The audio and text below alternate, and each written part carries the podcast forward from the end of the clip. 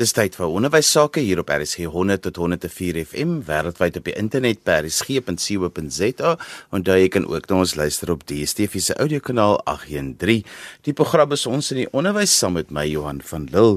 Vandag gesels ons oor hulpverlening en leer. Nou my gas vandag is professor Ignatius Gous en hy is van die NISA.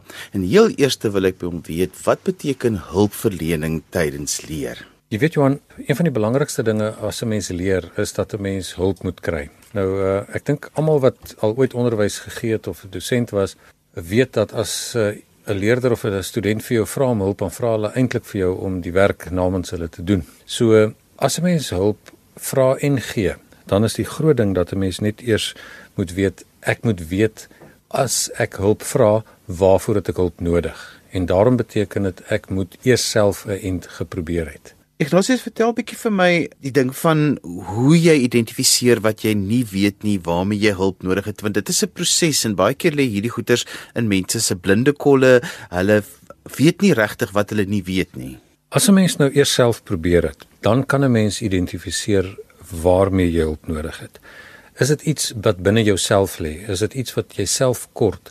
Is dit 'n uh, 'n vermoë of 'n stuk kennis. Aan die ander kant is dit dalk feite wat jy nodig het of jy het die feite maar jy weet nie hoe om hulle bymekaar te kry nie. So dit gaan oor verstaan of dit kan gaan oor vaardighede, dit hoe ek dit wat ek nou geleer het kan toepas. Of dit kan gaan oor strategieë. Wat is die beste manier om dit wat ek nou geleer het uh, toe te pas en aan te wend? Of dit kan ook natuurlik wees oor ek ken nou al die goeders en ek kan dit doen maar ek het geen idee hoekom ek dit moet doen nie. Dit gaan oor betekenisvolheid. Waar pas dit in in my lewe? En dit is alles aspekte as 'n mens die vrae verstaan, dan kan jy sien maar waar op watter aspek van hierdie dinge het 'n mens hulp nodig. Ignatius leerders leer uit die omgewing van die omgewing, maar hulle leer ook van bronne. Verduidelik gou vir ons waar pas bronne dan binne die leerproses van leerders in? As 'n mens dink dan het 'n mens boublokke nodig. Jy het iets om oor te dink en na te dink nodig voordat 'n mens iets kan skep.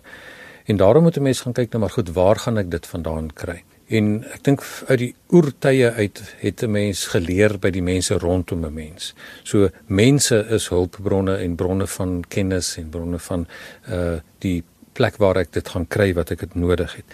Maar deesdae soos oor die tegnologie ontwikkel het oor die jare kan dit wees geskrewe bronne. So mense moet kyk watter tipe van boeke is beskikbaar op my veld en watter tegnologie kan ek gebruik. So op die ouend is daar baie bronne rondom 'n mens, maar die grootste belangrike ding wat 'n mens in gedagte moet hou is dat 'n mens moet geloofwaardiges ken en kies. En jy moet weet watter kan jy eintlik vertrou, watter is nie bronne wat vir 'n mens op die verkeerde pad gaan lei of van die wal in die sloot in gaan help nie. En dit is 'n verskriklike baie 'n eh, belangrike tipe van vaardigheid wat 'n mens moet ontwikkel om te sien watter bronne, mense, boeke, tegnologie of wat ook al 'n mens kan vertrou. Ignatius, daar's 'n baie interessante opvatting onder leerders en baie keer ook onder studente dat hulle nie eintlik iets hoef te onthou nie. Hulle is meer geïnteresseerd in om te weet net waar ek dit kry. So as jy vir hulle sê, "Maar jy moet jou algemene kennis uitbrei of jy moet hierdie klomp feite leer," dan is dit asof hulle vir jou so skepties aankyk en maar aan die ander kant wil ek ook weet as ons dan nie soveel hoef te onthou nie omdat bronne so beskikbaar is elektronies gaan dit nie ons breine verander dat ons later die vermoë gaan verloor om nie meer inligting te hoef onthou nie Ek dink dit is iets wat oor baie baie jare heen kom.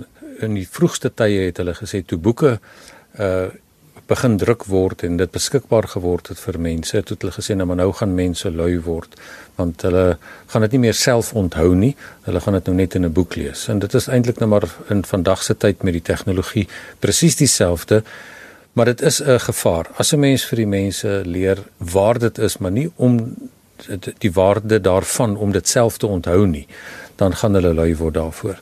Ek sê altyd ek het 'n tipe van 'n nagmerrie dat ek op 'n operasietafel lê en dan kyk ek op en daar's geen dokter in sig nie en as ek so links kyk dan sien ek almal staan oor 'n tablet gebuk en sê oor dit iets still buffering.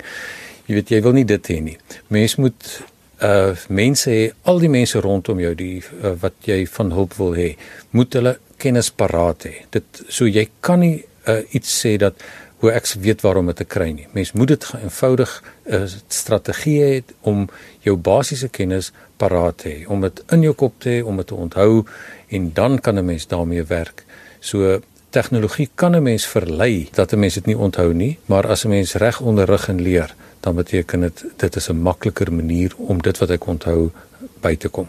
Ignatius een van die kragtigste meganismes van die brein is die verbeelding, maar dis ook die ding wat vir mense al oor eeue heen fascineer dat die menslike wese 'n verbeelding het. Vertel 'n bietjie vir ons meer daarvan, die werking van die brein en ook die kragtigheid wat agter dit sit. Daar is in die afgelope tyd eintlik 'n uh, lang tyd, so 40, 50 jaar, baie baie interessante navorsing gedoen oor ehm uh, dagdromer en dagdromery. En nou meeste van ons dink, weet as 'n mens dagdroom, dan is jy besig om aandag te gee aan goeders waaraan jy nie moet aandag gee nie. Singer en Anthropos het agtergekom dat 50% van 'n mens se wakker tyd eintlik aan dagdroom bestee word. Maar nou het hulle ook agtergekom daar's verskillende soorte dagdroom. Die eerste ene is dat 'n mens nie aandag gee aan dit wat jy moet aandag gee nie.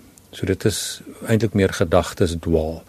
Dan is daar 'n ander tipe van dagdroom dat jy heeltyd bekommerd is oor dit wat jy moes gedoen het en verkeerd gedoen het en sulke dinge en dit is negatiewe dinge. Maar toe het hulle ook agtergekom daar is 'n uh, positiewe, hulle noem dit positiewe konstruktiewe dagdromery. En dit sê hulle is verskriklik belangrik. Dis 'n oorlewingsstrategie wat 'n mens terwyl jy wakker is, wat jy sin maak van jou belewennisse, van jou ervarings, van dit wat jy geleer het en dit is die manier ook hoe jy dit inpas in jou denkstrukture en kennisstrukture. En dit is verskriklik belangrik en daarvoor kry ons vandag nie meer baie tyd nie. Jy weet die oomblik as 'n mens iets gedoen het en jy hou op daarmee dan gryp jy onmiddellik jou foon en jy kyk gou-gou wat is nou op sosiale media of wat is op die nuus. Ehm um, en daar is nooit meer tyd wat 'n mens vir jouself gun om niks te doen nie. Want in daai niks doen tyd gebeur daar eintlik verskriklik baie. Hulle praat van daar's verskillende stelsels. Jy kry jou executive attention network en jy kry jou default mode network. Nou jou executive attention is wanneer jy spesifiek aan iets aandag gee, terwyl jou default mode network is 'n aksie wanneer jy eintlik dink jy dink aan niks nie. En dit is die tyd wanneer 'n mens sin maak van jou belewennisse en ervarings. En dit is verskriklik belangrik dat 'n mens daarvoor moet beplan en tyd gee. So as jy jou uh, daardie uh, vermoë van jou in inspann en positief en konstruktief dagdroom, dan kry jy dit reg om jou lewe uh in plek te stel en uh te integreer dat alles na dieselfde rigting toe wees. Maar dit is iets wat jy aktief moet doen.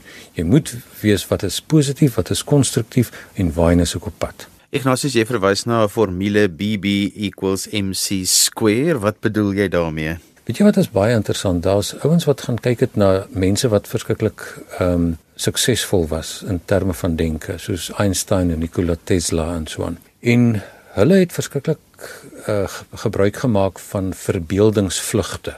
En verbeeldingsvlugte is wanneer jy in jou kop speel met die inligting wat jy het en kyk hoe jy dit kan inpas en toepas. Maar dit moet nie sommer net lukraak plaasvind nie. Mens moet dit ook beplan, amper soos die positief konstruktiewe dagdromery. En een van die maniere hoe mense dit kan doen is wat 'n mens kyk na metakognisie. Nou metakognisie is 'n definisie is om te dink oor jou denke of na te dink oor jou denke. Maar as mens dit nou vir jouself maklik maak, het ek dit in 'n formule ingesit soos jy nou gesê het BB = MC². Nou BB staan vir your brain buddy. So dit is eintlik so 'n persoontjie of 'n klomp persone wat op jou skouers sit. En MC² staan vir mentor, companion and coach. En dit is die tipe van dinge hoe 'n mens in gedagte moet hou of hoe jy jou gedagtes moet lei en rig. Jou mentor gaan oor watse kennis het ek en hoe kan ek beplan om hierdie kennis te gebruik. Jou companion is jou ervaring en jou monitering en jou coach is die persoon wat vir jou reguleer en evalueer. So wanneer jy met enige iets besig is, dan moet jy sien, maar goed, waaroor gaan ek nou nadink? Uh mens moet nie net sommer sit en dink uh wat ek oor na gaan dink gaan self in my kop kom nie. Ek moet gaan positief konstruktief beplan waaraan gaan ek nou my tyd spandeer? Ek gaan nou gaan oor hierdie konsep, oor hierdie ding wat ek nou gelees het in 'n boek, gaan ek sit en nadink. En dan Ehm uh, dit is die mentor wat dan kom en dan gaan die companion saam met jou die pad stap en hy sê nou maar goed, so kom ons gaan op 'n verbeeldingsvlug en ons uh, gebruik dit en ons doen iets daarmee, jy weet of ek pas dit toe as ek sê maar medies wat om 'n pasiënt kry of as ek uh, in die uh, finansiële wêreld is, hoe gaan ek vir iemand help om beleggings te doen of as ek in die sielkundige wêreld is, hoe gaan ek iemand help om sin van sy of haar betekenis of van haar ervarings te maak. So jy gaan saam met jou stap en dan die kom die coach en na dit het en sê vir jou nou maar goed hoe het ons gevaar. Uh kan ons meet was dit suksesvol, was dit konstruktief, was dit iets wat daar is. So eintlik moet 'n mens 'n klomp uh soos wat die uh, jong kinders sê verbeeldingsmaatjies sê of imaginary friends sê. En hierdie hulle moet verskillende rolle speel. Dit is jou mentor wat saam met jou stap, jou is 'n companion in your coach. My gas vandag is professor Ignatius Gous van die Nisa, 'n ou bekende hier op ons in die onderwys en ons gesels vandag oor hoe kan ek hulp verleen tydens die leerproses. Ignatius, ek moet nogal bietjie erken toe jy sê ons moet oor te bou nou gesels in die ondersteuning van die leerproses het ek 'n bietjie op my rug geval. Verduidelik vir ons uh, waar dit inpas. Dit is maar net 'n ander stel verbeeldingsvriende of imaginary friends wat jy op jou skouer kan kry want eintlik wat De Bou nou gedoen het, hy het uh, vir mense gehelp om regtig gerig oor die dinge wat hulle beplan het na te dink. En dis hoekom hy op 'n tydstip ook gepraat het van the six thinking hats of wat dit in kleure is.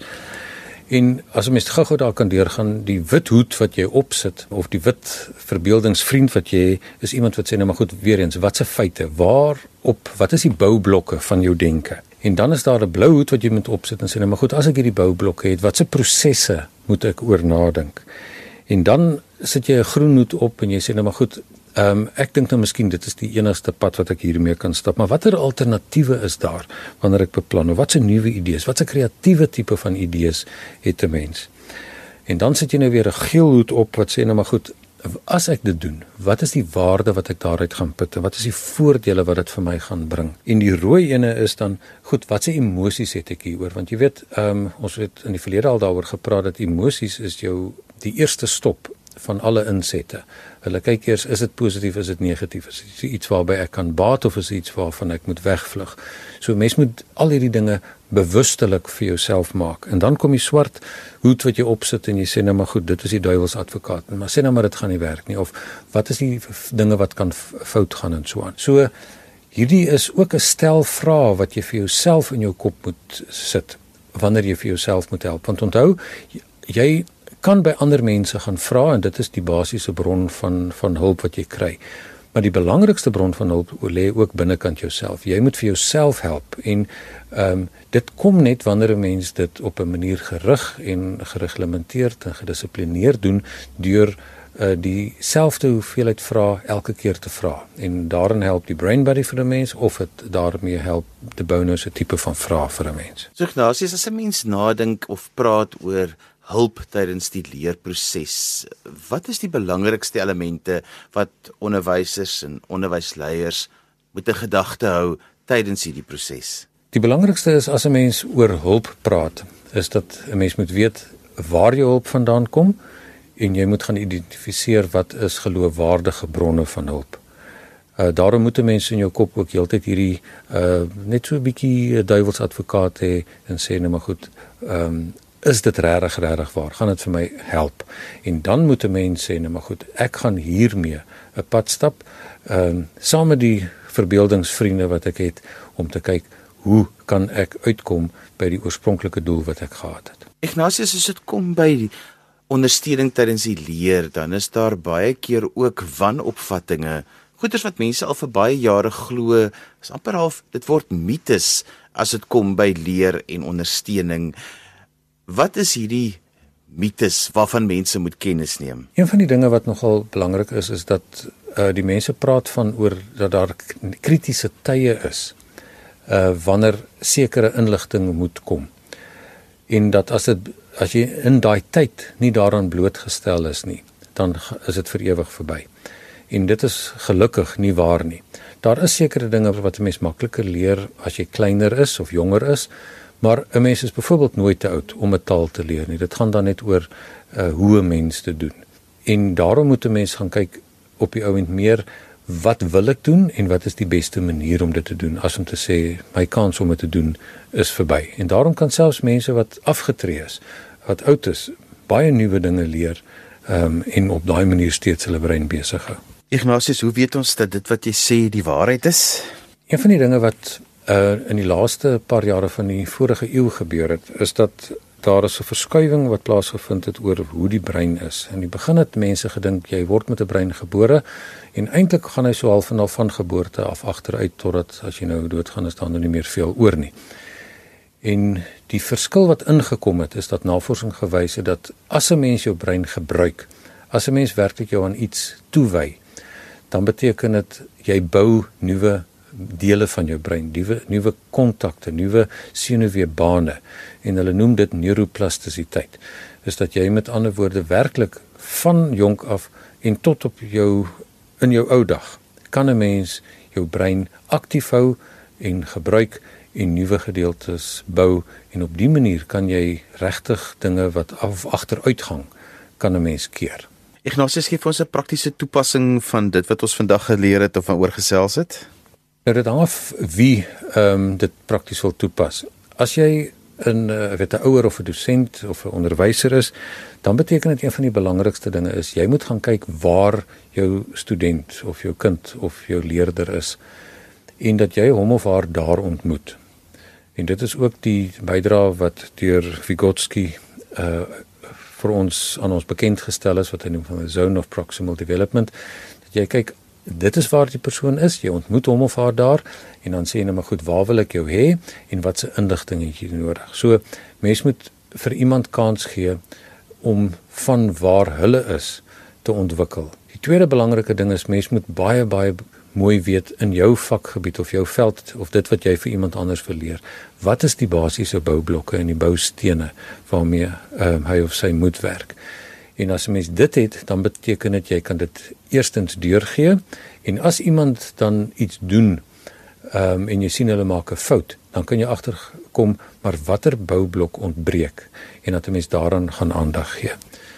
En op hierdie manier help jy vir iemand anders. As jy jouself wil help, beteken dit die belangrike is jy moet gaan kyk waarheen is ek op pad? Hoekom is dit vir my belangrik? En dan gaan kyk jy met my verbeeldingsvriende hoe gaan ek hierdie pad stap om te kom waar ek wil wees? Ignatius, wat van die skool wat sê dat leer eintlik net plaasvind as jy vashak, as ek ehm um, worstel met 'n ding, as ek nie weet hoe verder nie, want dan begin ek planne maak en dat dit ook dan die mense om jou se uitdaging is is hoe hulle jou dan kry om weer op spoed te kom. Dat dit eintlik die basis is van leer. Hulle noem dit in Engels it's to get unstuck. Leer vind plaas deur ehm um, jou daaraan te wy. En daar's verskillende redes hoekom jy daar jou aan iets wy. Die een manier is om soos jy nou gesê het wanneer 'n mens in 'n situasie kom en jy nie weet hoe verder nie, dan beteken dit ek wil graag hier uitkom. Maar dit hang ook dan net af of jy self lus is om dit te doen en gemotiveerd is om dit te doen. Dit uh, as mens dit nie is nie, dis dan wanneer jy jou hand uitsteek en sê ek doen dit asseblief namens my. Maar dit is nie die al en die een en al van leer nie. Ehm um, foute is die baarmoeder van leer, maar daar's baie ander dinge wat vir jou uh motiveer om jou te wy aan leer soos wat uh, iets is vir my belangrik is vir my betekenisvol ek wil dit graag kry en alles. So dit leer gaan eintlik net oor een ding is is ek besig om vir om die die werk te doen van leer om watter rede ook al. En so gesels professor Ignatius Gousenhuis van Unisa. En daarmee het ons gekom aan die einde van vandag se program. Ons het vandag gesels oor hoe kan ek die leerproses ondersteun of hulp verleen. Onthou jy kan weer na vandag se program luister as 'n potgooi. Laat dit af by resgep.co.za. Skryf gerus my e-pos by Johan by www.media.co.za vir alles jy ook my gas se kontakbesonderhede soek. daarmee groet ek dan vir vandag tot volgende week van my Johan van Lille Totsiens.